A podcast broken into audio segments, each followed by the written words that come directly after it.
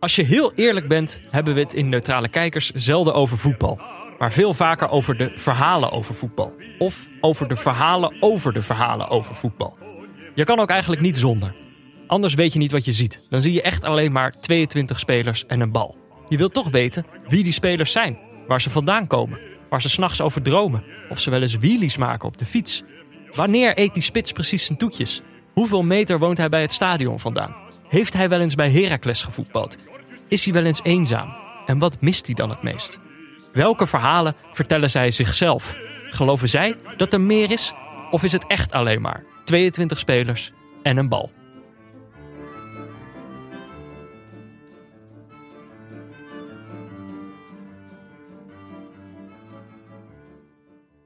Ja, Jordi? Ja, Peter. Beetje bijgekomen van eh, de verlenging gisteren? Van de verlenging wel. Oké. van al het andere niet. Nou ja, het, is, eh, het, is, het, het, het, het gaat. Maar we moeten de schouders eronder zetten. Ik heb eh, verplicht één, eh, één passage van mezelf terug moeten horen. Dus ik ga even lekker de energie in. Hoezo? Verplicht één passage voor jezelf. Ja, Hebben nou, ze jou gemarteld? Nee. nou ja, ik moet zeggen, kijk, toen wij, toen wij ooit begonnen in dit, in dit landschap, Mhm. wat nog helemaal niet bestond in Nederland, toen, eh, toen, toen luisterde ik altijd heel keurig mezelf terug. Kijken of ik eh, mezelf Aantekeningen maken waar je beter... Ja, Ja, ja, Oh, ja. prima. En nu hebben we zoveel eh, complimenten gehad die we allemaal de prullenbak in hebben gegooid en nooit iets mee gedaan hebben, dat ik dat niet meer doe. Maar ik had, eh, ik had drukkerij, textieldrukkerij Eyecatcher te Haarlem, had ik natuurlijk beloofd om even een linkje te sturen van. Van hun mansion. Van Je hun mansion. Oh, je hebt stiekem natuurlijk weer een korting bedongen. nou, dat, Bij ons- bij de drukker van nee, onze shirts. Nee, Oh. nee, nee. Dat, probeer ik wel altijd, maar was nog. weet je, veel, veel, tot zijn toch mensen die ons niet kennen. En die mensen denken, ja, leuk dat je, dat je me gaat noemen, maar misschien luistert wel alleen je oom. Ja. Of je oma. dat boeit mij niet, ik geef je daar geen korting voor. Nee, dus ik moest even zoeken welke minuut dat was. Mhm. En toen dacht ik van, eh, daar kan wel wat meer energie in, Jordi. Ja? Jij moet hoger in de energie vandaag. Ja, Dat ik, is jouw eh, les. Nee, maar dat, dat, ik denk ook dat ik daar zelf eh, beter van word. Oké. Ik had mijn belangrijkste les van, die ik vanuit gisteren heb meegenomen. Is toch. eh, ik Nooit meer eindtoernooien. Nee, ik No- nooit meer podcasts. Eh, nee, ik dacht. ehm, eh, we moeten toch echt. Jij zei het gisteren al in de podcast en toen lukte dat mij echt nog niet. Maar we moeten echt in deze rustdagen gaan proberen om neutraler te worden ten opzichte van Engeland. Mhm. Want ik zie gewoon te veel. Er is een collectieve. Begint, een, begint een groep mensen te ons. ja, je hoorde de rits misschien. Jordi heeft een Engeland shirt aan. Meer kan ik niet doen. It's coming home. Meer kan ik niet doen, Peter. Zo. Dat de mensen dit nog. eh, dat ik dit nog zou meemaken. Jordi een Engeland shirt. Nou ja, dit is eigenlijk perfect. Ik weet niet, dit is misschien wel weer een beetje de andere kant op. Too much de andere kant op. Maar ik zie gewoon, te veel mensen zijn nu tegen Engeland. Het is te makkelijk geworden om tegen Engeland te zijn. En dan vind ik, dat hebben wij als neutrale kijkers de plicht om die balans een klein stukje de Ja, andere kant op helemaal eens. Want ik, ik merk het ook op social media bij de luisteraars van ons. Die, die, we hebben een soort van een kamp tegen de Engelsen gecreëerd. Ja, dat is niet de bedoeling. Stap eruit. Wij zijn er zelf uitgestapt. Ik heb eh, gewoon... ik- Maar we hebben drie rustdagen. Het is uiteindelijk goed dat ze er zijn. Want zoveel hebben we er wel nodig om echt neutraal de finale in te gaan. Eh, en op deze eerste rustdag hoeven we het uh, godzijdank allemaal niet eh, alleen te doen. Of eh, niet met z'n tweetjes. Mhm. Eh, we hebben weer een gast. eh, Sam van Raalte. Veel luisteraars zullen hem kennen van de, de podcast De Wereld van Vice Sports. Eh, rest in peace, toch? Die bestaat niet meer. Ja, zeker. Eh, eh, maar hij heeft natuurlijk ook veel gewoon verhalen geschreven voor Vice Sports. En er komen weer nieuwe verhalen aan. Maar op dit moment, ja, hoe moet ik dat zeggen, Sam? Ben je nog even een schrijver zonder, zonder papier? Al die, schrij- al die verhaaltjes zitten nu nog in je hoofd. Ja, schrijven zal er sowieso voorlopig niet meer in zitten. Want ook wat ik nu doe zal alleen maar podcast zijn inderdaad. Ja. Ja, maar er zullen onze luisteraars, die, die willen nooit iets lezen. toch? Die luisteren alleen maar. Moeten we niet beginnen met... Hoe gaat het met je?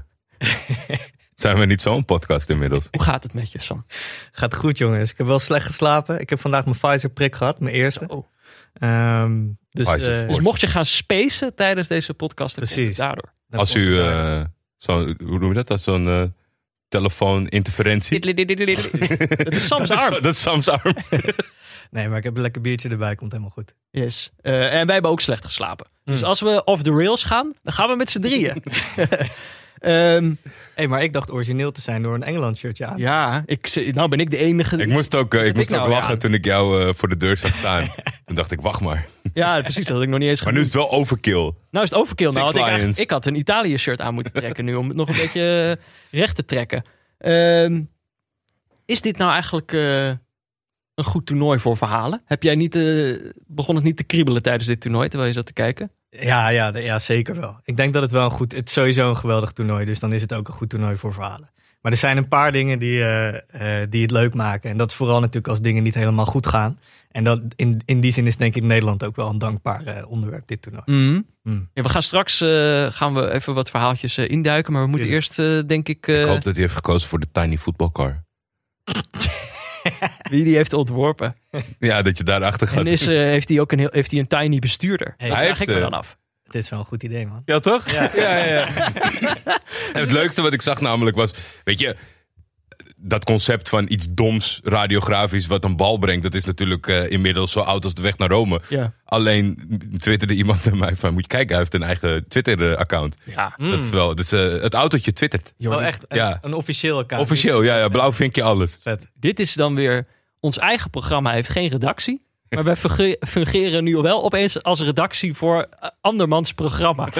Eh nou ja, dat is, eh, dat is goed om te weten. Maar jij hebt een paar... Eigenlijk wat we gaan doen in deze aflevering... is dat je hebt een paar verhalen op een, op een rij gezet... die je niet geschreven hebt. Ja, ja daar komt het op neer, ja. Ehm, Maar ergens kwijt. Ja, precies. En dat, is dan, dat moet dan maar bij ons. Ja. Dat wordt dan maar allemaal bij ons eh, over de schutting gekieperd. Maar we moeten eerst nog wat dingen rechtzetten, eh Jordi. Wat rectificaties? Jardinero. Die had een kleine, kleine rectificatie. Mhm. Ik eh, eh, noemde de... eh, ik had het over de kopgoal van Delaney. Toen zei ik dat het tegen Wales was. Oh ja, dat dacht ik. Maar we kwamen ook niet op de tegenstander. En dat was ook helemaal niet Wales waar wij op doelden. Nee, dat het was Tsjechië. precies de vorige tegen. Ja, dat was de gedroomde tegenstander natuurlijk van Nederland.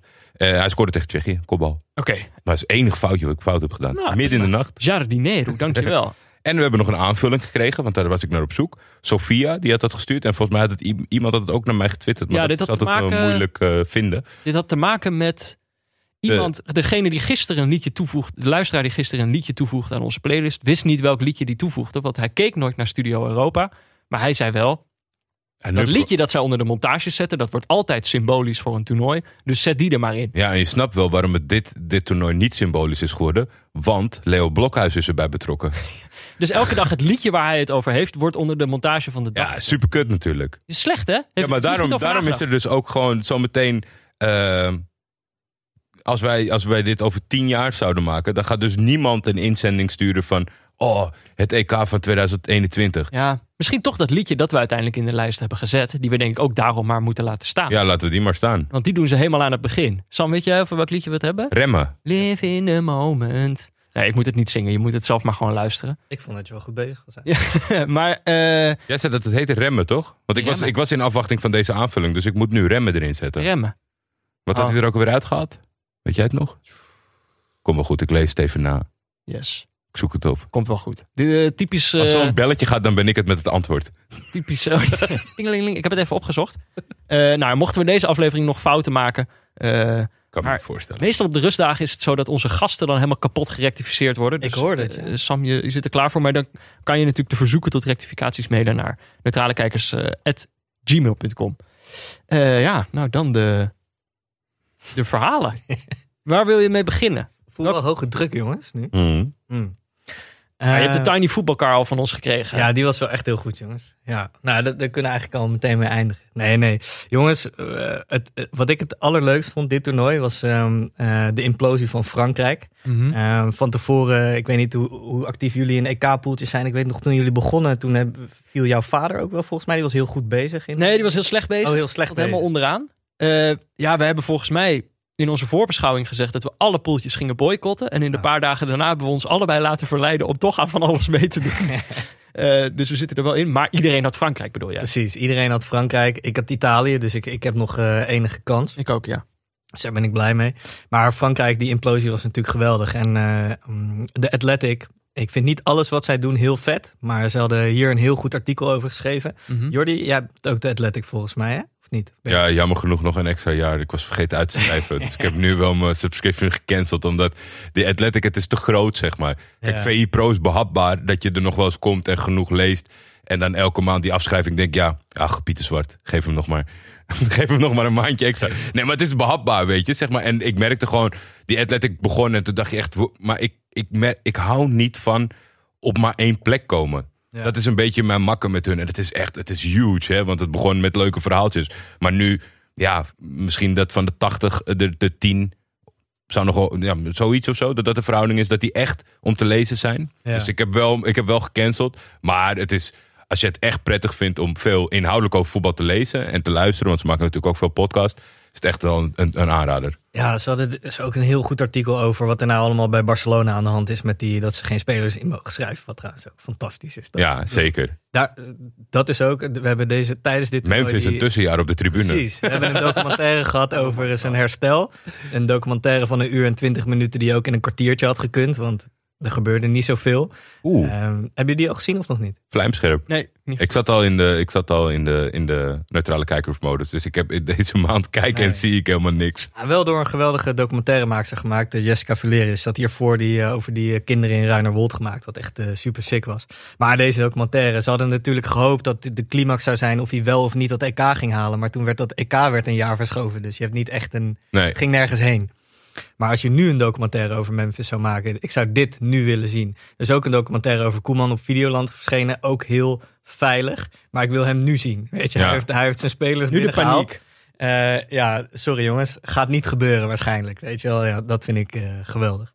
Ehm, maar hoe kwamen we hier nou ook weer? Frankrijk. Oh ja, Frankrijk.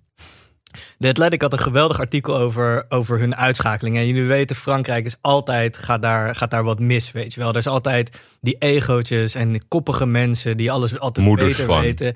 Nou, en dat was geweldig. Want dat artikel, dat, dat ging natuurlijk over Giroud en Benzema en hoe dat niet botert. En een aantal andere dingen met de trainer en zo. Maar het, het allermooiste, en dat was eigenlijk al na afloop van het toernooi, was hoe omschreven werd dat op de tribune eh, na de uitschakeling, em, Mbappé mist die penalty, dat de moeder van eh Rabiot toen tegen de familie, tegen de vader van Mbappé zei dat hij die penalty beter had moeten nemen. ja, super ziek. super ziek. Ik heb echt mij... Ja, Ik merkte dat het was toen nog redelijk nieuws, net nieuws. ja, ja. En jij zat een beetje van, nou moeten we een beetje voorzichtig omgaan met de moeder van, wat is er waar van het verhaal zo. Maar ik, Ik dacht dat het een roddel ik had, was. ja, precies. hier achter maar de ik had, paywall over Het ik had die begeleidende beelden gezien. En je ziet die Ja. vrouw, weet je, je, je, je weet ook wat voor vrouw het is. Dan zit ze zo met haar hoofd tussen die mensen. En je, je ziet de gelaat, zeg maar, dat... Het is niet vriendelijk wat ze zegt. Dus ik twijfelde niet over de waarheid. En dan Nee, is het nee, gewoon te ziek. Maar er stonden inderdaad, want dat kwam een beetje naar voren in dat, in dat stuk. Gewoon, dat vond ik eh, geweldig. Ehm, maar er werd ook wel eh, een ander zinnetje gezet dat zij. En dat vond ik wel interessant. Die, ehm, de vader van Rabiot, die is dus in 2007, want die heeft die een hersenbloeding gehad. Die is toen dus, eh, in vegetatieve staat, zeg maar, beland. En die is in 2019 is die overleden. Dus ze hebben twaalf jaar lang hebben ze voor die vader gezorgd, ook in dat gezin. En zij had nog, volgens mij heeft hij nog twee broers of zo, dus drie zoons. Dus die moeder, die heeft het gewoon tering zwaar voor de kiezer gehad, zeg maar. Die is gewoon een soort gekke tijgermoeder geworden, denk ik, daardoor, weet je wel. En dat vond ik heel, ehm, heel interessant. Plus, dus daarom, ik, ik, ik wil, mensen moeten iets met haar gaan doen. Want ik denk dat zij eh, een, een soort ultieme mediapersoonlijkheid in de dop is. Want los van dat zij dingen doet die een beetje vreemd en, eh, en onaardig zijn en ongepast.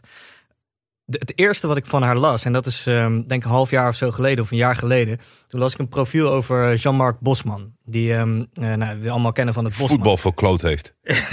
Ja, of juist... Het uh, eh, Bosman-arrest, en dat ja. is dat... eh, eh, Precies, veel mensen weten dit niet. In de jaren negentig had je in België een hele eigenwijze voetballer die zei. Tot dat moment was het zo dat als een speler uit zijn contract liep, dan eh, moest een nieuwe club alsnog een transfersom aan die oude club betalen om hem binnen te halen. Wat natuurlijk nergens op slaat, want je hebt gewoon vrij verkeer van eh, mensen of zo. Ja, ik weet niet. Ik ben geen nou ja, als je contract is afgelopen, Ja, waarom... dat- eh, het begon ook de, volgens mij overkoepelend dat er binnen Europa was dat nergens gangbaar. Behalve Ja. in de voetballerij was dat nog geaccepteerd en dat is hij gaan procederen. Precies, en dat heeft jaren, jaren geduurd. Uiteindelijk heeft hij gelijk gekregen en daardoor kunnen spelers nu transfervrij vertrekken. Die man zelf heeft vervolgens eh, geen club wilde hem meer hebben, want ze dachten allemaal dat wordt gezeik. Hij is eh, ook wel alcoholist geworden. Heeft ook nog een incidentje gehad dat hij zijn vrouw heeft geslagen. Dus het is ook, ook niet allemaal helemaal goed gegaan. Maar hij heeft geen rode cent meer, die man. En ehm, Eh, een paar jaar die transfers zijn gewoon naar hem vernoemd, toch? Het wordt nog steeds wel eens een Bosma- Bosman-transfer genoemd. Ja, het is allemaal als je transfervrij kunt vertrekken, dan heb je dat aan hem te danken, zeg Ja. maar. Ja, en de pijn van het, van het failliet raken terwijl iedereen juist rijk wordt door hetgeen wat jij hebt Is ongelooflijk. geïnitieerd. Ja, en wat dus heel lijp is, is dat eh, toen ik dat las, dacht ik, ja, dit is wel vet. Ehm, een paar jaar geleden, die man die heeft dus helemaal geen geld meer, wordt hij opeens gebeld door, door een vrouw uit Frankrijk. En eh, zij zegt, eh, ben jij Jean-Marc Bosman? Ja, zei, ja, ik wil jou bedanken, want dankzij jou kan mijn, mijn zoon nu transfervrij vertrekken bij Paris Saint-Germain. En hij gaat heel veel geld, tekengeld krijgen bij Juventus waar hij heen gaat. Wat is je rekeningnummer? En toen heeft zij 10.000 euro heeft ze overgemaakt aan Jean-Marc Bosman. Omdat zij, dus ze, ze heeft gewoon doorgehad van dat komt door die man. En we zijn hem schatplichtig, ik moet hem wat geven. Vind ik fucking vet. Dus deze vrouw die heeft los van dat zij iets heel erg raars en beschermends heeft over haar zoon. Heeft zij ook wel echt een goede kant. En ik, ik, ik wil meer van deze vrouw Het is, zien. eh, het is wel menens bij haar. Ja, het is, alles is menens. Dus los van dat ik zelf heel graag een profiel over deze vrouw had willen schrijven. Als ik, eh, als ik nog eh, eh, aan en papier had. was. Als ik nog denk ik dat eh, iemand... eh, eh, kijk, jullie, gaan, jullie zeggen dus jullie gaan stoppen met neutrale kijkers. Ja, Jullie zeggen, jullie zeggen, het, het is Ja, nog ja. vier dagen Sam, wij gaan stoppen. Ja, ja, ja, dat, dat zeggen jullie nu. Ooit gaan jullie door. En dan moet deze vrouw, ik weet niet of ze Engels kan praten, moet zij een keer te gast zijn. Want ik denk dat niemand zo niet neutraal is als deze vrouw. Alles wat zij doet is, is 100%. En, en als ze niet hier te gast komt, dan moet ze wel haar eigen podcast of zo gaan beginnen. Want ik wil mevrouw Rabio elke week wel horen. Al is het 20 minuten over haar eigen zoon, maar het liefst over de hele voetbalwereld. Dit is ook natuurlijk eigenlijk het. eh, dit is precies wat jij, wat jij eh, altijd doet met jouw verhalen. Is dat het risico van zo'n vrouw. Is dat zij een soort meme wordt. Ja. Zo van, weet je nog, het was haar schuld. Zij was de bom onder, eh, onder dat elftal of zo. Ja. Dat is een beetje, maar dat je, als je er iets langer naar kijkt, dan zit er toch gewoon een, eh, nog een goed verhaal achter. Ja. Maar zonde als zij alleen een meme zou blijven. Ja, zeker. Ze, ze is letterlijk ook gewoon uh, striptekenaren maken plaatjes uh, over haar en zo in Frankrijk, weet je wel. Ze is echt een soort karikatuur uh, aan. Letterlijk een, een meme. Over memes uh, gesproken, een, een, ander verhaal wat, uh, wat gemaakt nee. moet worden. Oh nee. Ik heb dit tegen Wouter van Dijk gezegd, een vriend van mij uh, die jullie ook kennen, die uh, nog bij Vice werkt. Mm -hmm. Ik heb het volgens mij een week geleden of zo tegen hem gezegd dat hij dit moet maken. Toen, dat was de dag dat uh, Nico-Jan Hoogma zei, uh, toen, aura. bij die persconferentie, ja, dat, ze, dat ze iemand zochten met het aura van, van Ronald Koeman. Ja. Wat ik echt... wat is dat? Ja, waanzinnig. Welk, welk? Van, en, uh, nou ja, blijkbaar en, Louis van Gaal. Ja, maar hoe dan? Want die konden überhaupt niet in Ja, elkaars aura elkaar. zitten, weet je wel? Dus hoe, wat is dat aura dan van Ronald Koeman? Maar uh, kijk, Nico-Jan Hoogma, die weet dat. Hij is ons uh, hoofd uh, top, topvoetballer in Nederland. Dus hij, hij weet wat dat aura van Ronald Koeman is. Maar wij weten dat natuurlijk niet. Maar er zijn wel andere mensen die dat, die dat goed zouden kunnen weten. Die daarin gespecialiseerd zijn. Die, die aura's lezen. Uh, die bijvoorbeeld van, uh, die kunnen een foto zien. En die kunnen ja, die daaraan kleuren zeggen, dan, hè? Die, die zegt van, ah, dit is een bepaald aura. Dus dat ik tegen Wouter zei is, en ik, kijk, ik zeg het nu hier. Ik hoop dat hij dat hij het artikel morgen klaar heeft. ik meteen, Als ik zei, Wouter was geweest, had ik gezegd, had je niet weg moeten gaan. Ik had je het kunnen maken. Nee, wat, wat, wat iemand moet doen, is die moet gewoon een foto van Ronald Koeman uitprinten. Foto van Louis van Gaal. Foto van allerlei andere kandidaten die je kunt bedenken. Langs die lezers. Moet, precies, die moet naar een lezer gaan uh, en die moet gewoon vragen wie, wiens aura lijkt het meeste op dat van Ronald Koeman. En dan weten we gewoon waar we moeten zijn. Einde verhaal. En dan hebben we die beslissing uh, genomen met z'n allen. Kunnen we, kunnen we door. Ja. Het, super. Ja, supergoed idee. En misschien was dan wel Louis Vergaal eruit gekomen. Dat kan natuurlijk, hè? Tuurlijk, ja. Dat zou heel veel... Ik, misschien ik zou dat, dat, dat zijn dingen die is, wij niet zien. Precies. En uh, misschien is het ook wel zoiets dat uh, iemand met een identieke aura... of dat mensen met identieke aura's niet goed met elkaar zijn. Zeg maar. Dat kan ook nog, hè? Dus dat ze wel een gelijke Dat is aura batterijen. Ja, Ja. toch? ja, precies. Plus, plus. Dat kan niet. Nee, dat, uh, dat, dan draait hij om. Dan, dan begrijpen we dat ook meteen waarom dat niet goed is. Ja, we zouden meer, magneten bedoel ik trouwens. meer moeten... Ja, maar batterij kan je ook niet... Uh, luistert nou weer puntje. iemand die alles weet van batterijen. Die, gaat een mail gaat sturen. Of aura's. Hè? Of aura's, kan ook. Ligt aan hoeveel milliampère, Peter. Uh, Mag jij dat dan weer allemaal voorlezen? even kijken. Wat, wat, ja, ik, ik, ik had wat, maar ik, weet, ik, ben het, uh, ik ben het helemaal kwijt. Ik zat in dat aura-verhaal. ik denk, waar moeten we nou op afslaan? We moesten, we moesten dieper, dieper de aura in, maar ja, Hmm. ik, ik weet het niet meer.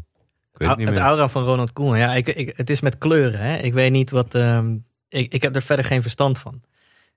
Nou, Ja, ik heb, dan, ik heb dan wel, wat ik zeg maar in die hoek heb, is dat ik vind het geloofwaardiger als er nu iemand naast ons komt zitten en die naar ons kijkt en, en wat vindt. ja. Als je het vastlegt op een foto, dan zouden wij toch ook moeten zien op een gegeven moment, zeg maar. Nee, maar die mensen zien dingen die wij niet zien. Precies, ja. Gewoon altijd. Ja, ook op een foto. Ja, Ja. ja. Dat is, eh, dat zakelijk gezien is het handiger om het ook op foto's te kunnen zien. ja, ja, precies. Nee, dat is echt waar. Als jij dan iemand niet mag, dan kan je daarheen gaan. Kan je zeggen van, wat is met deze persoon aan de hand? Ja. Ja, ja. Maar goed, dat zijn die, eh, die aura's. Ander dingetje, Mhm. maar dat is meer een... eh, ja, dat zou bijna meer, denk ik, een soort hard gras eh ik- ik- zijn of zo. Oh. Voordat we naar je derde punt gaan. Ik, ik weet ineens, want zit daar niet ook wat in, zeg maar, dat eh, is eigenlijk een beetje in die lijn, maar dan moet je bij, met de betrokkenen gaan, gaan praten. En ik denk dat die daar niet, want er is eigenlijk geen goed antwoord op, dus ik weet niet of ze daarvoor openstaan. Maar het is natuurlijk in de voetballerij, en zeker bij de KNVB wordt het altijd een soort van hard gecommuniceerd naar de profielschets, zeg maar. De profielschets van een trainer. Hmm. Daar staan ze dan voor. En dat, dat past dan een beetje. Volgens mij wordt die eigenlijk achteraf geschreven. Dus wij nemen Ronald Koeman als coach. Dan gaan we achteraf de profielschets delen met de mensen waar die precies in past. Ja. Maar ik heb nog nooit een profiel, profielschets gezien die langer duurt dan één trainer. Ja, dus zeg maar, de opvolger van Koeman is totaal wat anders dan Koeman. En ik denk van, ja, als je nou gewoon goed nadenkt over de profielschets, dan zou dat gewoon over een langere tijd moeten werken. Ja, dat is geweldig. Ook hoe ze nu hebben omschreven wat het nu dan moet zijn. Het moet, eh, wat was het? Het moet, het moet geen dinosaurus zijn. Ja, vind ik Louis, Louis Vergaal redelijk dinosaurus. Zo. Maar goed. Dat is echt een dino, de oudste, is de oudste die we hebben, toch? En Ik bedoel, moest- dat is niet negatief, maar dat is wel echt een dinosaurus. Ja, Klopt, ja. En het moest, eh, hij moest wel veel ervaring hebben, niet buitenlands. En het moest niet eh, voor een, eh, een interim ding zijn. Dus dan, die hele omschrijving laat maar één iemand over. Dus als Louis van Gaal nu zegt, eh, nee jongens, ik heb er toch geen zin in. Wat dan? Weet je Ja, maar dat gebeurt ook bij voetbalclubs elke keer. En dan zeg je, want ze hebben een soort van in hun hoofd van, oké. en, en nou, PSV is dan misschien nu een goed voorbeeld. Dat zij een soort van beeld hebben gecreëerd. Roger Schmid, dat is perfect. Maar je weet al bijna zeker dat, stel het gaat aankomend seizoen helemaal mis. Dan krijg je Theo Lucius, zeg maar. De- de- totaal de andere kant van het spectrum. Omdat de club nooit door blijft gaan op dezelfde, in Ja. dezelfde hoek. En dat is natuurlijk ook, dat hangt samen met waarom dat woord aura überhaupt genoemd wordt. Ja. Dat is natuurlijk ook omdat ze niet je- specifiek weten wat ze zoeken. Snap je? Een aura, dat kan alles zijn. Nee, maar ik zou het ook. Ik zou het ook. Ik zou, het- ja, maar ik heb dan liever dat je gewoon zegt van. Wij gaan per individu in gesprek. Dan dat je woorden gaat Ja. verzinnen, zeg maar, die goed toepasbaar zijn op iedereen. Ja. Of, Toch? Of gooi gewoon een vacature open. Weet je, doe het gewoon. Die Belgen hadden dat ook gedaan, toch? Ja. En toen dachten ze in één keer, oh shit, we kunnen Martinez ook krijgen. Vet. Ja, volgens mij Heracles en Groningen, die hebben volgens mij ook in die hoek. En dat ze dan echt gewoon, nou niet, niet misschien een open vacature, maar wel gewoon ellenlange gesprekken met de kandidaat. En diegene wat laten vertellen over zichzelf en hoe die erover denkt. Tuurlijk. Dat is al. Kijk, je weet één ding. Ik, ik ga absoluut niet zeggen dat ik tegen Van Gaal ben. Maar je, hij gaat niet toelichten wat hij gaat doen. Hij gaat alleen ja of nee zeggen. Plus dat het probleem zit natuurlijk veel dieper. Je had hem ook zelf op kunnen leiden. Waarom komen we nu toch weer uit bij eh, Vergaal? Zeg maar? Dat is natuurlijk ook een beetje... eh, Ja, mijn, punt, mijn punt een beetje op dat ding was van... Laat, als je vertrouwen in hem hebt, laat hem het dan regelen. Maar dat Ja. durft de KNVB nooit. Mm. Ja, dat durfden ze in ieder geval eerst niet. En nu gaat het dan toch gebeuren, maar te laat. Ja, maar nu wordt hij toch gewoon bondscoach? Ja, precies. Ja, Maar hij moet, hij moet eigenlijk, maar dat gaat nu niet. En dat is ook logisch dat misschien als dat je, als dat je job is, dat Nico-Jan Hoogman niet zegt van ik ga voor hem aan de kant. Maar dat zou de oplossing zijn overkoepelend van de KNVB, denk ik. Mhm. Als je nu toch weer in nood bij die man uitkomt, die gaat, maar die, weet je, die moet presteren. Die, de, zijn reputatie staat weer op het spel, alles. Dus die kan niet nu even daarnaast gaan zitten bomen in een kamertje van wie gaat mij opvolgen. Ja. Maar goed, kijk, eh, we kunnen lang of kort over praten, maar uiteindelijk moeten die aura's gecheckt worden. Aura's Ja, en ja, profiel. ja, daar ben je helemaal mee eens. Helemaal Ja. mee eens. Ja, ja.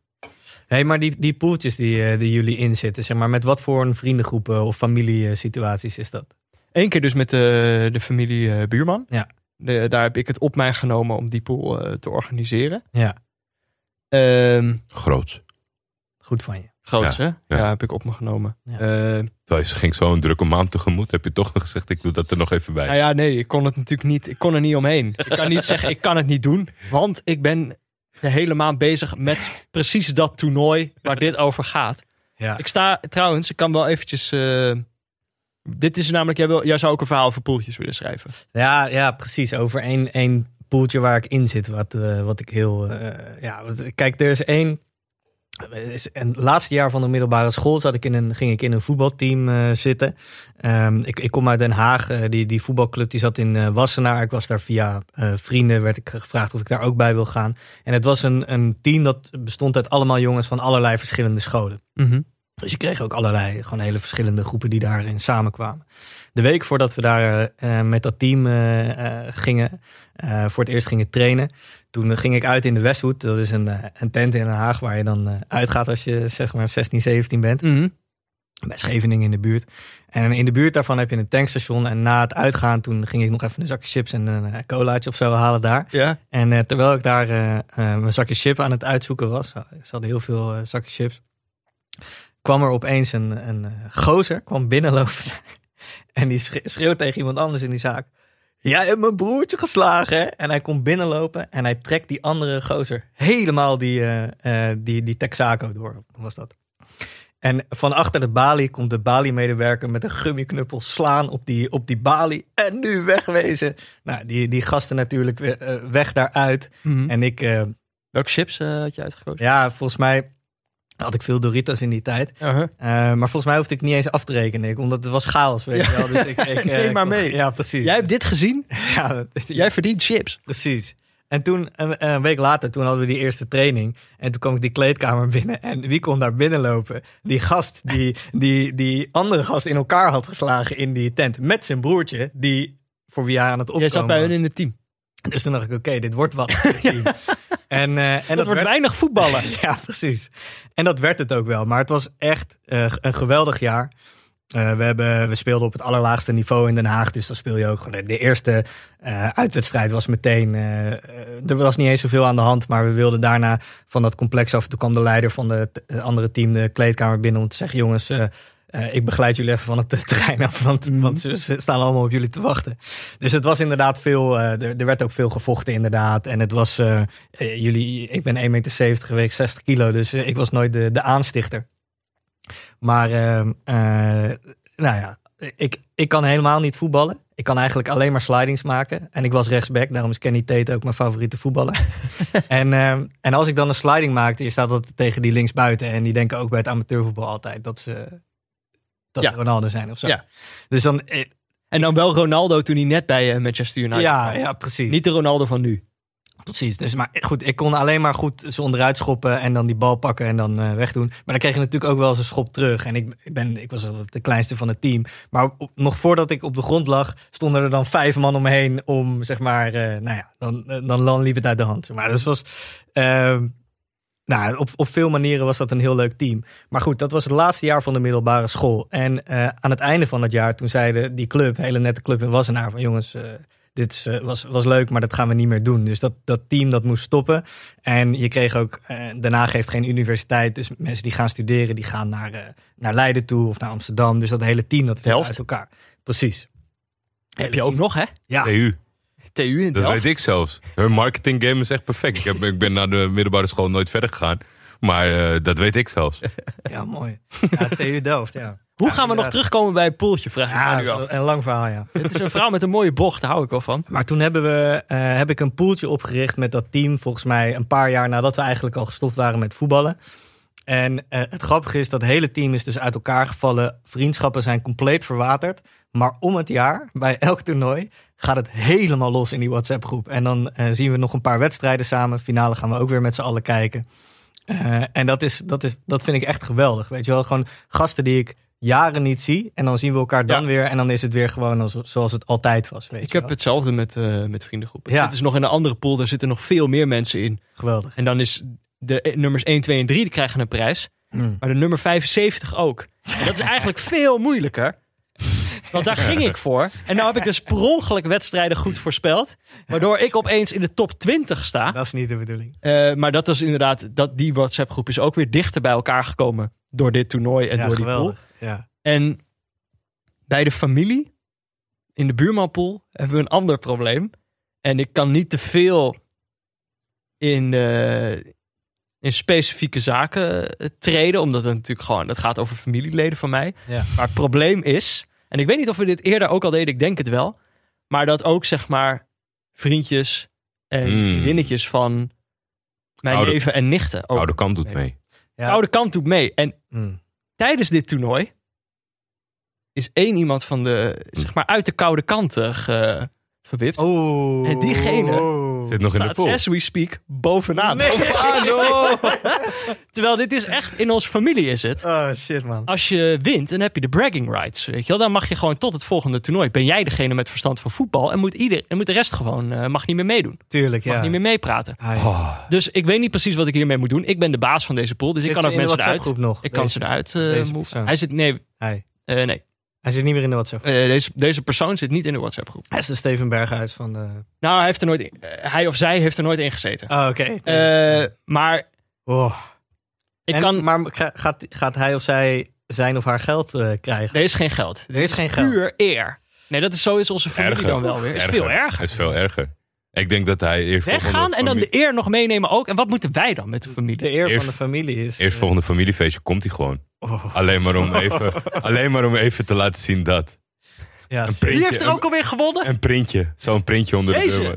Deze heeft gewonnen. Eh, Moeilijk. ja, het, het is volgens mij nog mogelijk dat deze persoon van de nummer 1 plek wordt eh, gestoten. ja. Oom Paul staat tweede, Hm. as we speak. Keurig. is natuurlijk een voormalig eh, organisator van deze pool. Eigenlijk de geestelijk vader van deze pool. Ja. Derde staat eh, neef Maurits. Eh, Marina, de dochter van Paul, staat vierde. Dus die is ook... Zit wel ja, in de dat zit, familie eh, daar. Het zit in zijn, degene eh, in die hoek. poeltjes, eh, poeltjes mensen. Ik sta vijfde. Oh. Dus ik ben wel... eh, ik weet niet of ik nog... Ik, ik heb Italië als kampioen, dus er is nog veel mogelijk. Mm.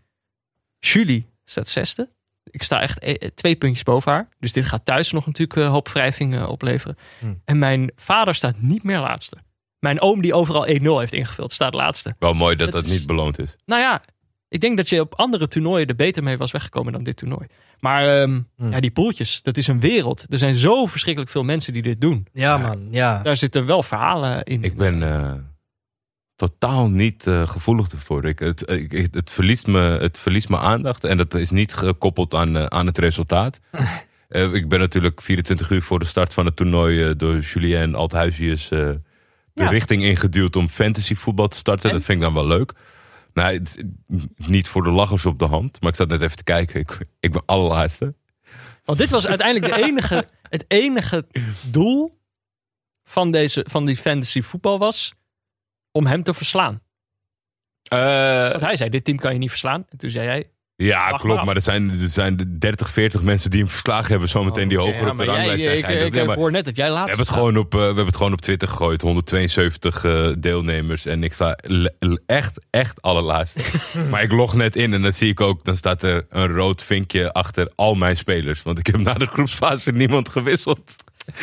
en ik had eh, veel Turken. dus dat, dat helpt ook niet, dit toernooi. Nee, dat was ook weer, daar heb ik ook een hoop punten verloren op Turkije. Wat vinden jullie van de commentatoren van de NOS eh, dit toernooi? Jeetje. Wat- Wat een persoonlijke vraag. Hier werd vaak over, hier werd vaak over gehad. Eh, volgens mij is mijn mening is dat als je het bijvoorbeeld vergelijkt met de veelgehoorde kritiek op Studio Europa, ook wel eens in deze eh, podcast, dat in dat programma eh, het, het plezier een beetje lijkt te ontbreken. Dat die Ja. mensen zelf ook niet, Marco van Basten weet zelf niet waarom hij in dat programma zit, volgens mij. Sorry Peter, ik heb het niet gezien. Eh, nee, dus vind ik heel netjes van je. Dat je dat toch eventjes laat weten. Ik zat in Ehm, de auto hier naartoe. Maar dit is iets wat je die commentatoren eigenlijk niet kan verwijten. Want Nee, die weten mij wel te enthousiasmeren voor die wedstrijden. En natuurlijk, dan heb ik ook wel mijn persoonlijke voorkeuren en zo. Maar ik vind eigenlijk, ik heb op die commentatoren niet zoveel, eh niet Ja, zoveel ik- commentaar. Ik denk wat dat betreft ook wel ehm, een belangrijk punt voor de, voor de kijker. Is dat je moet gaan beseffen dat een commentator smaak is voor een groot deel. Mm. Ze zijn allemaal begaan met hun vak. En dan heb ik het nu over de, over de profs. Hè? Kijk, je- het is natuurlijk ook een freelance wereld, ZZP-wereld. En dan kan het zo zijn dat iemand eh, om zijn brood te verdienen... die doet eh, eh, 14 sporten in 21 dagen. En ja, die heeft niet echt een backstory... als hij gisteren schansspringen heeft gedaan... en nu een wedstrijd eh, in de KKD moet doen. Dus dat, dat vind ik anders. Ja. Ik vind het wel opmerkelijk dat zeg maar, als je daar de ambitie in hebt... dan zou ik juist proberen om een soort van vaste dienstcommentator te worden.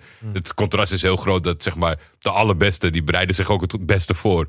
En je zou denken dat als je... zichzelf. dit. Ja, als je upcoming bent, dan wil je juist daar wil je het op pakken. Kijk, aan je stemgeluid kan je niet zoveel doen. Ehm, aan, aan je zinsopbouw of, of, of, iemand, of het, mensen het prettig vinden klinken, daar kan je niet zoveel aan doen. Maar je kan wel gewoon zorgen dat je inhoudelijk de beste bent. Ja. En de beste houden zichzelf in het zadel door continu het meeste tijd en energie in hun vak te stoppen. Maar waarom vroeg je dit? Ja, Komt hier om- een verhaal? eh, is hier een... Nou ja, kijk, het is natuurlijk een hele eh, homogene groep. Weet je wel, het zijn allemaal mannen, het zijn Ja. bijna allemaal 50 plus. Soms kan je ze qua stem ook lastig eh, uit elkaar Ja, halen. precies. Kijk, ik vond die, die EK eh, voetbalpodcast van de NOS, die ze in aanloop naar het EK maakt, vond ik echt top. Heb ik echt van genoten. Gingen ze allemaal oudere toernooien doornemen, toch? Precies. Maar beste had, was dat stukje 2008 toch over Turkije. Ja, dat was Korte, korte inbeller. ja, er zat een inbeller in. Een gekke jongen kwam even tussendoor. maar eh, eh, nee, dat, dat was echt top gemaakt. Maar ik had wel daarna het gevoel van...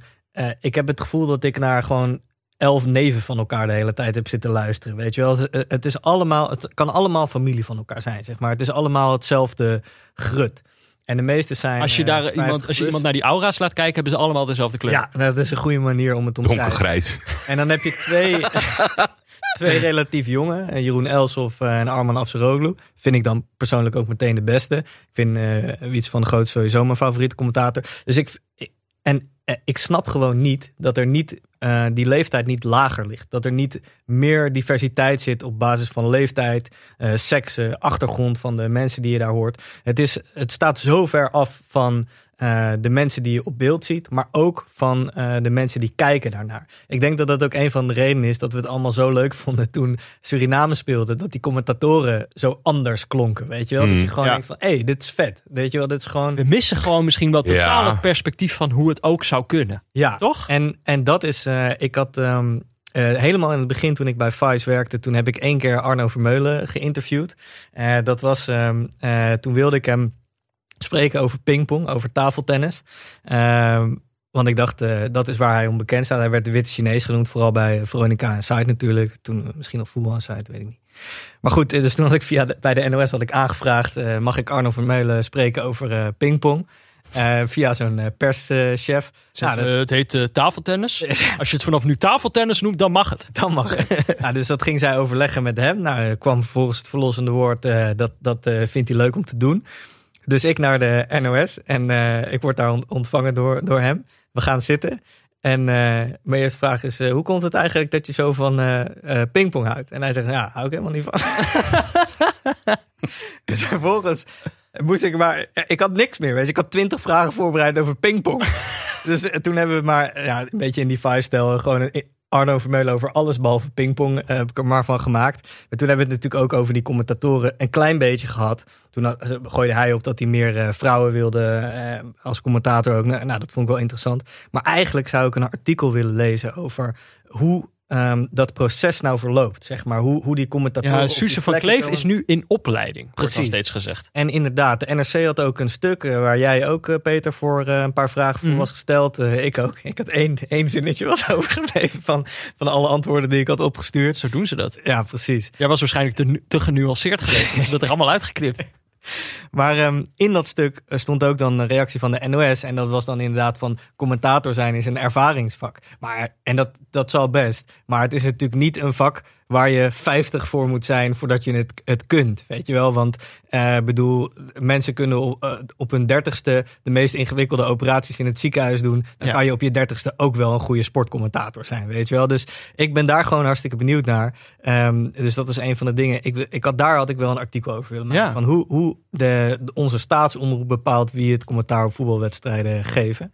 Eh, maar goed, ja, dat.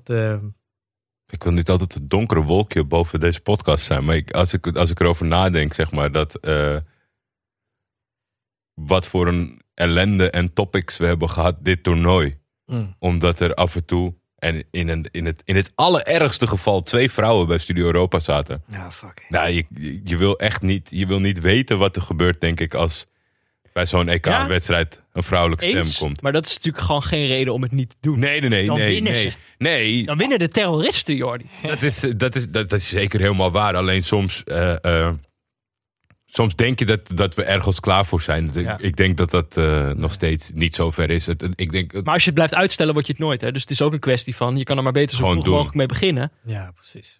Gewoon doen, joh. Ik ben Ja. het met je eens hoor. Ik bedoel, dit is iets waar, je, waar, waar, waar dan weinig rekening mee Maar- wordt gehouden. Dat ja, maar, we- shit. maar de, hè. de- de- zeg maar de andere kant van de, van de medaille is dan zeg maar diegene die, die, eh, die, dit, moet, die dit moet gaan doen. Die moet daar ook tegen kunnen Mm, en mee leren omgaan. Want zeker. geloof Ja. mij dat je een bakkelende over je heen krijgt. Ja, maar ik denk eh Suze van Kleef. Ja, dat, Lusse ja, dat denk ik ook wel. Maar goed, dat, eh, ik vind dat soort processen van hoe, eh, wat, eh, wat zit er dan achter van wat we uiteindelijk te horen of te zien krijgen, weet je wel. En in dat kader, en dat, daar moet echt iemand gewoon echt van een heel goed artikel over schrijven. Of een, er, er zit misschien wel een zesdelige Hoe Dan It podcast serie. Oké, oké, oké.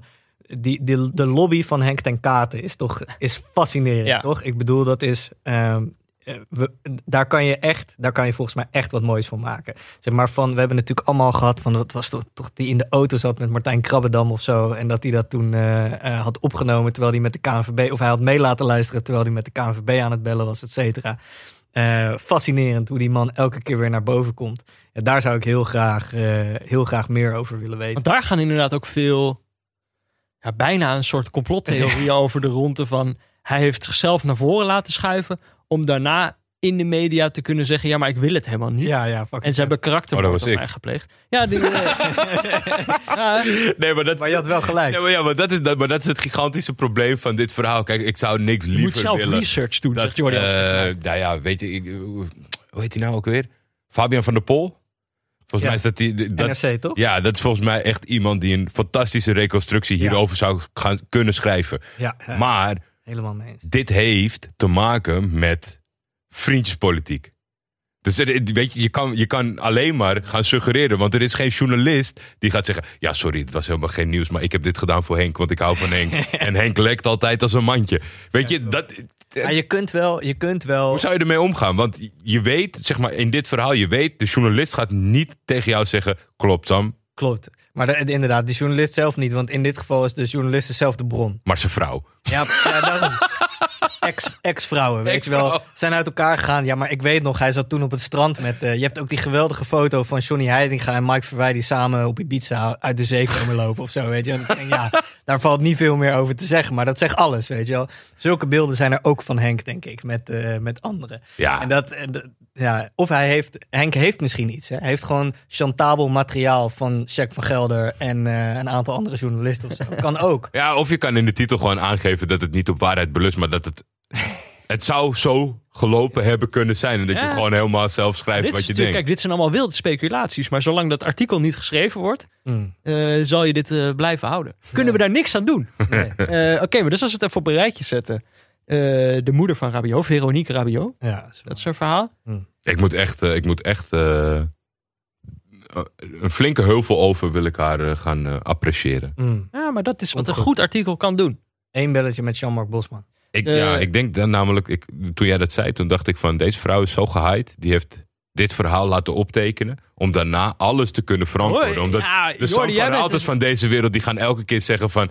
Ja, maar ze hebben wel 10.000 overgemaakt. Dit is. Zo, ja, sorry, dat is wie, hoe ik ben. Dat is hoe ik ben. heel, Jordi is, altijd, cynisch. ja, Jordi is altijd de cynicus. En, ik, en dan gaat hij zeggen dat ik naïef ben. Terwijl jij, Ja, ja. jij, eh, jij, hebt echt inderdaad, jij bent echt het regenwolfje boven deze podcast. Eh, verhaal 2 was de, de aura's. Het Ja. aura van Ronald Koeman en de aura's van andere Nederlandse Ja, trainers. dit moet echt gebeuren. Ja. Ja.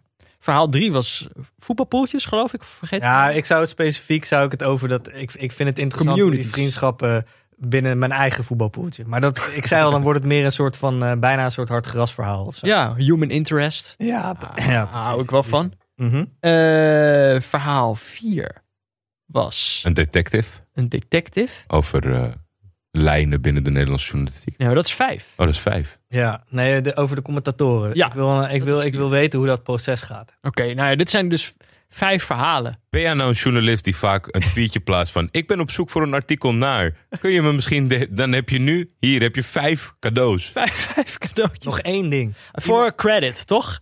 Iemand had dit EK een artikel moeten maken over wat Mario Dix de hele tijd aan het doen was. Ja. Ja, die had moeten meereizen naar die waardeloze uitwedstrijd in de, in de, in de Champions League. Precies. Van Ja, Gewoon Maar ik- hoe hij dit heeft beleefd. ik, ik heb het idee dat... eh, ondanks dat wij onze schouders eronder zetten en dat het nu dat een, een, een redelijk grote groep weet van het bestaan van Mario, dat de mainstream media die negeert dit en die zit allemaal. eh, Handje Hi- boven, hand boven de ja, hoofd. maar je zit ook allemaal hielen te likken bij Makkeli. Omdat dat nu natuurlijk een succesvolle tra- eh, trainer. Ja, gisteren leek hij wel de trainer van Engeland, daar niet van. Maar Ik heb Danny Makkelijk hier geïnt- eh, ge- een keer geïnterviewd. Dat was wel eh, over de waarover? psychologie van eh, het scheidsrechten. Toen hadden we een soort themaweek over psychologie in de sport. En toen wilde ik weten van wat voor een, eh, wat voor een druk komt daarbij kijken en zo. Toen eh, heb ik hem op het pol- politiebureau geïnterviewd. Hij had zijn politiepak eh, nog aan. Mhm. En, eh, maar hij, is wel, eh, hij was wel echt ontzettend vriendelijk. Ehm, Hm. dat zijn ze vaak, hè, die slangen. er was, wel- kijk, eh, het gaat, Zo pakken ze je, hè? Sam zit in een moeilijk pakket. Die heeft gewoon een goede band met Danny af. Hij, hij was echt super vriendelijk. En eh, eh, wat ik ook wel leuk vond, was dat dit- toen het artikel online was gegaan, toen, toen appte hij van eh, iets door wat zijn moeder als reactie daarop had gegeven. Dat ze zei dat het echt klonk zoals hij was. Nou, dat is natuurlijk, als je dat hebt geschreven, is dat leuk. Weet je, dat heb je goed gedaan.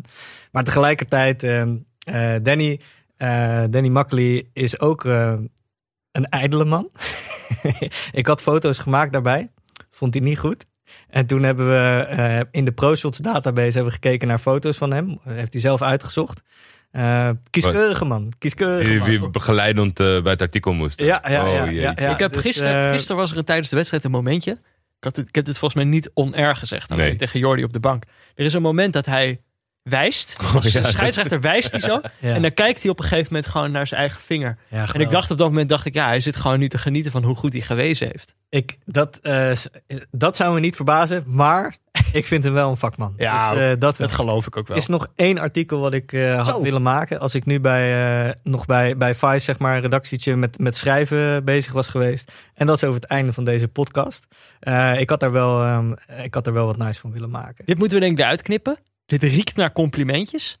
of zou het een scathing artikel worden? Nee, Zouden ja, eh, eh, nee wat, ik, wat ik leuk vind. eh, eh, ik heb natuurlijk een keer die, eh, die, die eh, hoe heet die nou? Morelli? Ciao Morelli, ja. Zeker, zeker. de- de- die- een Braziliaanse speler in, in Estland. Ja, precies. Die nu in Amerika of Canada, Canada volgens mij. Canada, ja. wat? Vancouver Whitecaps, geloof ik. Ja, jij volgt hem ook nog op Instagram een tijd, hè? Eh, ik denk dat ik hem echt net heb ontvolgd. Ik heb het, ben ook afgehaakt op een dat gegeven is toch niet echt leuk? Wat leuk was in Estland was dat hij nog wel eens van die bloedzuigers op zijn Ja. benen ging doen. en zo.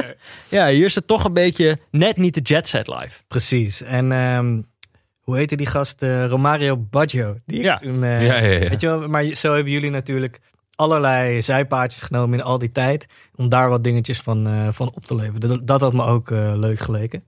Maar ehm, nou, wie weet doet iemand anders het nog. Het zou leuk zijn, hè Jordi? Ja, hartstikke leuk. Als iemand dat... Redactie van Vice, jullie horen het?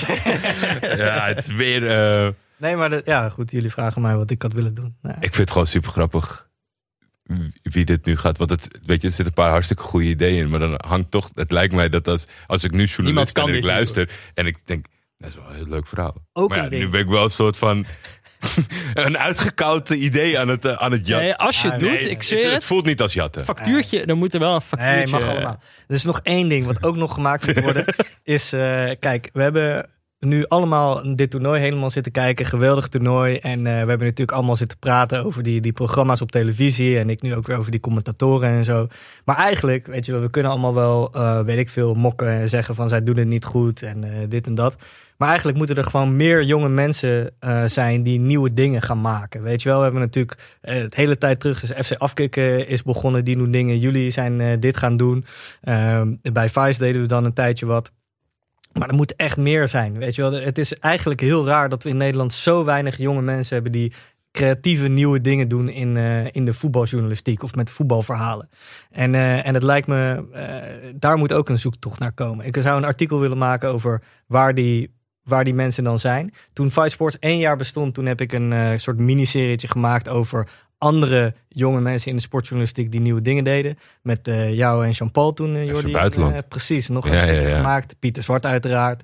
Eh, Priya Ramesh, die ehm, eh, Engelse eh, jonge vrouw die ehm, eh, vanuit eh, Londen, die had een tijdje in Nederland gewoond. Voor The Guardian en onder meer allemaal over Nederlands voetbal schreef. Ja. Ja, fucking- gruwelijk. Fucking vet is. Ja. Eh, volgens mij is ze daarmee gestopt omdat ze dokter en eh, nog een of andere andere lijpenstudie aan. Ja, het is er gegund. Ja, sowieso. Eh, maar dat is, weet je, er moeten, maar misschien is dit niet zozeer een artikel, maar meer een soort van, eh, Hm. Mening. ja, mening van, dat, daar daar er moeten echt meer. meer Ja, ik denk gebeuren. als, als ervaringsdeskundige door de jaren heen is het misschien wel makkelijker als bijvoorbeeld eh, een NPO slash NOS zo'n zomer denkt van laten we echt vertrouwen aan iemand geven en wat proberen met hun middelen en bereik en dat soort dingen, dat je dan echt iets zou kunnen proberen. Dat is nu, Ja. als ik erop terugkijk, het, het is misschien, het is misschien dat je in een gespreid bedje komt, maar het is meer van.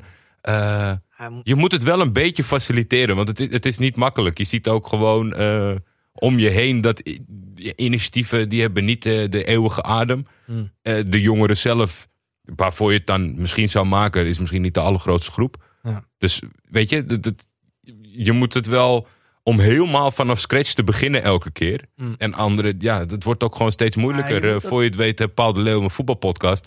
ja, dan kan je wel shaken met je nieuwe EK-plan. Nee, tuurlijk niet. Eh, Juist wel, man. Eh, dat was eh, Armin Sjaas bijvoorbeeld ook eh, leuke dingen aan het doen. Dat is Ja. een goed voorbeeld. Ja, die had met Puma had die eh Kudus en. Precies, precies. En eh, ik weet, hij houdt ook heel erg van voetbal, doet daar ook dingen mee. Nou, dat is bijvoorbeeld een jonge gast waarvan ik denk van ja, die gaat ook eh lijpe dingen doen. Ja, Ehm, ja, dat. De- ik, en hij had een interview met die Jim Taihutu, die regisseur van Mhm. De Oost en Wolf en ehm, allemaal goede films, Rabat. En die zei ook van. eh, je moet het gewoon zelf doen. Je moet niet wachten tot iemand je gaat vragen of, of hoe en wat. Of, eh, je, je moet het gewoon doen. Dus als, als jonge mensen iets willen gaan doen, weet je, doe het gewoon. ja. Ja. Ja, oké. Maar ik vind, ik vind altijd dat dat soort mensen die geven een soort van dingetje mee. Het klinkt heel tof en het, het is ook feitelijk wel zo. Maar zij zijn ook ergens vandaan gekomen. En Jim heeft al een paar klappers gemaakt. En is nu aan het doen wat hij doet met zijn regels. En dat is super vet. En het kan. Het kan. Kijk maar naar ons. Het kan gewoon. Ja. Maar het is, het, is, het is niet zo van...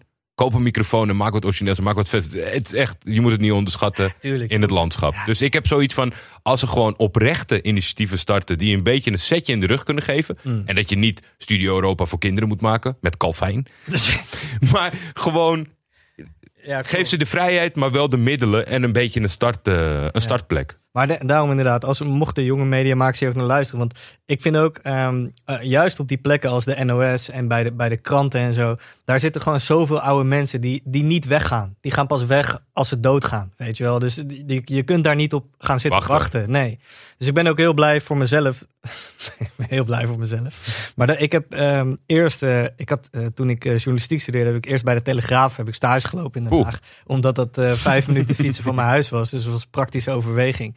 Maar toen heb ik ook gezien, maar los van de inhoudelijke dingen waar ik het niet mee eens was, dat ik echt niet op, in, op een bedrijf wil werken waar allemaal 40, 50, 60-plussers zitten die helemaal geen puff meer hebben, maar wel die, die plekken bezet houden omdat ze niet ontslagen gaan worden of, of whatever.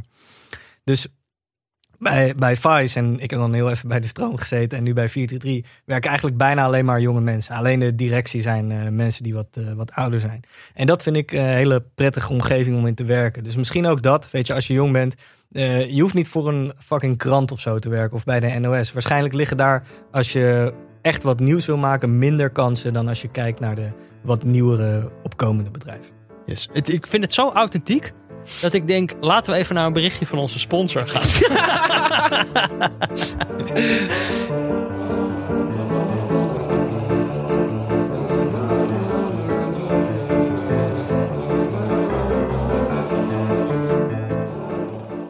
Ja, want ook deze aflevering van Neutrale Kijkers wordt natuurlijk mede mogelijk gemaakt door, eh, door Auto.nl. Auto.nl heeft, deze, Startkapitaal, belangrijk. Startkapitaal, belangrijk.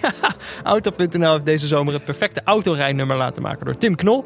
Maar de Neutrale Kijkers is natuurlijk vooral thuis op de bank voetbal te kijken. En daarom maken wij met Neutrale Kijkers deze zomer de ultieme EK-playlist. Samen met onze luisteraars in principe, maar- maar we zitten nu in de home stretch richting de finale. En nu zijn onze gasten, die we tot de finale hebben, de baas. En vandaag zit hier natuurlijk eh, Sam van Raalte. ik schrok mijn hoedje na al die verhalen die ik heb voor moeten lezen. Ik denk, shit Peter, waar is het verhaal? Maar dat Nee. is natuurlijk Sam. Sam, jouw keuze. Welk liedje gaat eruit de lijst en welke zet je erin? Eh, moet ik eerst eentje eruit halen of eerst eentje? Doe eerst eentje erin. Eruit, dat vindt Jordi de leukste volgorde. Oké. Eh, want voor de ruit moet ik ook nog even kijken. Dus dan scroll ik Ja. zo even er doorheen. Maar erin, eh, kijk, we hebben 100.000 reclames gezien eh, dit, dit toernooi. Mhm. Maar mijn, mijn favoriet, favoriete voetballer ehm, aller tijden is Wesley Sneijder. Mede doordat hij heel goed eh, afstandsschoten kon doen, Peter Buurman. Mhm. Daar kon ik altijd heel van, erg van genieten. En, en wat ik heel erg leuk vind. kijk, we hebben die docu van Memphis bijvoorbeeld gezien. En Memphis is volgens mij een gast. Zit geen druppeltje kwaad in. Echt een goede gozer. Maar wel ook geen druppeltje zelfspot. Weet je wel, die, Mhm. die, hij is wel bloedserieus over zichzelf. Maar Wesley Sneijder is wel iemand, die hebben we sinds hij is gestopt met voetballen, hebben we hem goed uitzien dijen. Wat ik altijd fijn vind als eh, voetballer klaar is. Want eh, lekker doen. Je hebt eh, 34 jaar van je leven, heb je niks mogen doen. Lekker doen. We hebben hem dronken op auto's zien rennen. We hebben hem aan een knikkershow mee zien doen. En dit toernooi hebben we hem eh, zien hakken met, eh, met Mental Tio. Ehm, kijk, het is natuurlijk niet de sponsor van, van deze show. En het is een gesponsord item. Maar ik vind het echt fucking vet, dat nummer wat ze hebben gemaakt. Ik heb er echt van genoten. Ik, ik draai het serieus af en toe. Het staat op Spotify. Het, ko- het Koning Toto lied van dit EK. Ja, man. Dus die wil ik graag erin hebben. Dit is echt, Jordi durft niks meer te zeggen. Ja, nee, ik, ja, ik, het, sowieso moeten we de, de, de naam niet noemen. Voor de rest zeggen we gewoon het reclameliedje van Wesley Sneijder. En ik hoop dat eh, de gast van morgen hem direct uitkegelt. Want ja, nee, dat, eh, dat, eh, dat, dat, dat kan gewoon niet. Maar ja, het, is, het is wat het is. Kijk, Luisteraar is Peter, koning en nu, nu is de gast koning, joh. om, om Sam te helpen moet jij nog heel even... Jij wist, dat liedje was van Remmen. Remmen. E R-E-M-M-E. The moment. The Moment. The moment. Oh ja, staat bovenaan. Dus die zet ik nu in de lijst, Sam. Dan kan jij ondertussen gaan kijken welke erin staan. Welke knikker je eruit? Is, moet die remmen eruit? Nee, nee is jouw keuze. Ja, ik je, zou hebt, je helemaal de vrije keuze met wat je eruit haalt. Ik had wel zoiets van, ja, Staat nog wat Eh geks. Frenkie de Jong moet eruit van mij de Talma. Nou, zo, hoppakee. zo, dit is echt, dit is gewoon een aanslag Ja. op de kunst. Nee. Dan moet mijn Talma eruit en dan komt Wesley Slijder Is, met Mental Tio erin. is niet de schuld Dit van is, de Talma. dit is Nederland. is de schuld van Frenkie de Jong. Ik vond hem verschrikkelijk in die laatste wedstrijd. Oké, het, is, het is je vergeven. Eh, morgen weer een nieuwe Toch gast. dat, eh, dat, dat nummer van eh, Simon Hendricks hebben we toch weer overleefd. Ik dacht echt, dat wordt er meteen uitgekookt. Ja, we, zien, we zien, als die de finale haalt, dan, dan is er iets heel bijzonders. Dan is het echt een uniek EK geweest. Eh, ja, dus eh, sorry luisteraars, jullie kunnen niet meer de, de, koning zijn in dit, in dit item. Eh, want onze gasten zijn dat. Eh, maar mocht je de hele lijst je- willen luisteren, Je ziet wel op Spotify dat Sam de enige is die dit nummer luistert af en toe. Is, Eh, hij is wel een paar honderdduizend keer geluisterd, toch? Of niet? Ja, 300.000. Ja, lekker man. eh, mocht je de hele lijst willen luisteren, de ultieme neutrale kijkers EK-streepje playlist in samenwerking met Auto.nl. Die kan je natuurlijk beluisteren op eh, Spotify. Sam, eh, dan hebben we de verhalen gehad. Hmm. En de, de, de boodschap vanuit het eh, diepste van je hart, de oproep aan de, de Nederlandse jeugd. Eh, en dan rest eigenlijk nog maar één vraag. Zondag is natuurlijk de finale van dit toernooi. Italië-Engeland om eh, 9 uur 's avonds. En eigenlijk de vraag die wij richting de finale aan iedereen gaan stellen is... Wat moet er in die finale volgens jou gebeuren om dit toernooi compleet te maken? Ja, Ja, ik ben... Dat poeltje waar ik in zit, daar ben ik heel fanatiek mee. Mhm. Dus idealiter wint Italië met 2-1 en maakt Kane één goal. En vallen er geen rode kaarten. Dan, dan heb ik nog serieuze kans om, eh, om te winnen. Om de geldprijs in de wacht te slepen. Ik heb Italië heb ik als winnaar, eh Kane als topscorer. Ehm, maar kijk, dit toernooi, ik, ik heb er echt van begin tot eind van genoten. Die, die dag met die eh, dubbele 3-3 was, eh geweldig dubbele 3-3 was toch? Ja, 3-5. Ja, 3-5. Ja. Ja, het, het In maar reguliere speeltijd twee keer 3-3. van begin tot eind eh, was echt geweldig. Het was voor mij misschien ook. eh, in aanloop naar dit toernooi had je veel mensen die zeiden van ik voel niet echt die Ja, eh, het leeft niet. Ja, ik voel die EK. Het leeft niet. maar ik ben wat dat betreft heel ehm, eh, hoe zeg je dat? Ehm, neoliberaal. Je moet echt in jezelf investeren. Weet je wel, daarin. Het moet echt van jezelf komen. Anders dan ga je er ook niet komen. Het is makkelijk praten voor mij dit keer, want ik werkte aan die podcast van Humberto Tan, die elf weken van tevoren begon. Ja. Dus we waren al vier maanden van tevoren bezig met EK-dingen. Dus ik was, ik was, zat helemaal hoog. Precies, ik zat helemaal. eh, Jij, eh, jij kende de mop van Ruud Gullit al voordat iedereen hem kende. Ja, precies. Maanden van tevoren. Eh, dus, eh, maar dus het is sowieso een geweldig toernooi geweest. En ik heb ook, eh dit is een complimentje, maar ik heb ook weer erg genoten van, van jullie podcast. Ehm, kijk, dit jongen moet het allemaal eruit knippen, Sam. Ja, maakt niet uit. Werken maar. Nee, en eh, kijk, dit toernooi, ik vond Italië vond ik geweldig. Eh, ik had ze ook als winnaar ingevuld. Maar ik hoop wel dat Engeland hem gaat pakken. Ik Zo. weet dat dat vloeken in de kerk is hier. Nou nee, Eh. ja, je, ik zit hier met twee mensen in Engeland shirtje aan tafel. Dus Ja, nee, maar dit is precies wat we eigenlijk moeten proberen. We moeten meer de Engeland kant op. Maar waar- waarom? gewoon die, ik wil gewoon de absolute scenes wil ik zien. Ja. Ik wil gewoon na al die, die, die corona teringzooi die we hebben gehad, wil ik gewoon eventjes nog, want het gaat weer helemaal mis met die Mhm. cijfers. Wil ik gewoon Nog even snel. dat Engeland totaal naar de kloten gaat. Gewoon totale chaos wil ik zien. En dat gaat gebeuren. Ja. Dat gaat gewoon gebeuren. Ja, ze nemen er steeds al een beetje een voorschot op. Dat is waar ik een beetje huiverig om ben. Ja, Dus dat is geweldig. al, de, de scenes zijn al geweest. absoluut zien. Nee, nee, nee. Dit is allemaal, dit is allemaal voorspel. Als dit er echt gaat komen, dan uh, dit gaat wekenlang chaos worden. En ik, uh, uh, ik wil dat allemaal zien. Dus uh, Engeland moet gewoon winnen. Oké. En Kane moet dus scoren. Kane moet scoren, ja. Of ja, dan heb je nog iets eraan in je poeltje. Ja, precies. Ja, ja, ja. Oké, okay, Jordi, wat even de temperatuur opnemen. Ben jij al. Is het al coming home of is het alleen je shirt op dit moment? Nee, het is alleen het shirtje. Ik, ik, ik zie geen, geen voetbalinhoudelijke reden dat Engeland dit gaat uh, halen. Hè, is dit, wacht, is dit hoop of is dit verwachting? Verwachting. Het is een keiharde voorspelling. Die je nog in de aankomende paar dagen kan wijzigen. Een paar keer. Mm -hmm. Ik denk uh, Italië, dagje minder, uh, dagje extra rust. Beter gespeeld. Zwaarder naar elkaar toegegroeid als groep zijnde. Ze hebben nu een soort van spookvoetballer op linksback die ze toch maar met z'n allen moeten omarmen. Is ook fijn dat je gewoon met z'n allen hem in de gaten houdt. Weet je, met z'n tienen kijken of die Palmieri niet iets geks doet. Die gaat hem maken gewoon hoor. Ja, nou ja, dat is wel gewoon. Finale. Die gozer heeft in de afgelopen drie jaar misschien 120 minuten gevoetbald. En die wordt dan de ster van dit EK. Die gaat gewoon ik de finale gun, Ik gun het hem ook van harte. Maar nee, ja, ik denk alle, alle boxjes als je moet kiezen tussen Engeland en Italië, zit in het voordeel van Italië. Gewoon uitzoomend los van de, van de inhoud. Dat zou ook nog een verhaal zijn. Dat je gewoon iedere minuut die Emerson Palmieri in de afgelopen drie, drie jaar heeft gespeeld, gaat kijken. En gewoon zeggen wat hij heeft gedaan tot nu toe. En dan de, de, de laatste alinea is dat hij Europees kampioen geworden is. Ja. Pieter Zwart. Dit zegt een VI-pro-artikel. uh, Elke ja. minuut voorafgaand aan het EK. Als ik bij mezelf kijk, dan ja, ik voel het nog niet helemaal. Ik denk dat mijn doordat ik het heb uitgesproken dat ik wil vechten tegen mijn uh, antipathie. Kijk, ik denk uiteindelijk, als neutrale kijker, denk ik eigenlijk nog steeds van: we kunnen eigenlijk niet verliezen. Want als Engeland wint, dan krijg je de absolute scenes. En als we verliezen, dan krijg je een heel ander soort scenes. En die zijn ook waarschijnlijk wel leuk om te Ja, doen. geweldig. Wordt ook vet. En Italië heeft toch gewoon wel een beetje het hart gestolen, dit toernooi. Dus daar kun je toch niet omheen. Nee, het komt ook wel goed. Ja. Alleen gisteren zaten we wat hoog uh, in de anti, uh, in die an ja, anti-Engeland. Jij, we kregen nog op een gegeven moment iemand reageerde op jou op Twitter. Zei diegene: hey, volgens mij zijn de neutrale en de niet-neutrale aflevering dit, dit keer omgedraaid. En ik ben natuurlijk degene die dit edit en online zet. Ik had echt een hartverzakking. Ik dacht: God. ik ben gewoon iedere keer als ik, ik lig elke keer als ik s'avonds in bed denk, nou, als ik maar allemaal goed, weet je, als het maar allemaal ja. goed is gegaan. Ja, nee, dit was. Maar dit was alleen maar een statement van dat we volgens hem te erg tegen Engeland waren geweest. Ja, volgens mij. Zijn hij, profielfoto was wel de Engelse vlag. Hij heet Nick en zijn account is uh, It's Coming Home. en hij heeft een Three Lions vlag. Dus wat dat betreft snap ik het wel. Ja, nee, het was echt uh, puur vanuit. Ja, er was, uh, zat geen. zat geen niet-neutraliteit bij. Het was alleen maar constateren. Ze hadden de neutrale kijker ook ernstig teleurgesteld. Hè? Dus ze moeten wel wat goed maken. En als ze dat doen in de finale, dan gun ik het ze ook echt wel. Mooi. Uh, nou, dan, dan, dan zit het erop, Sam. We nemen jou nog wel even mee naar het rijk achter de paywall. Ja, ik begin net op stoom te komen. Ja, ja precies. En dan gaan we horen wat je, wat je echt van het Nederlands zelf vond. Hm. Natuurlijk, al die verhalen en zo. Dat is allemaal leuk en journalistiek interessant. Maar de emotie willen we straks horen. Frenkie de Jong wil ik het over. Neutrale Kijkers is mede mogelijk gemaakt door Dag en Nacht Media. De hoofdsponsor op de borst is Auto.nl.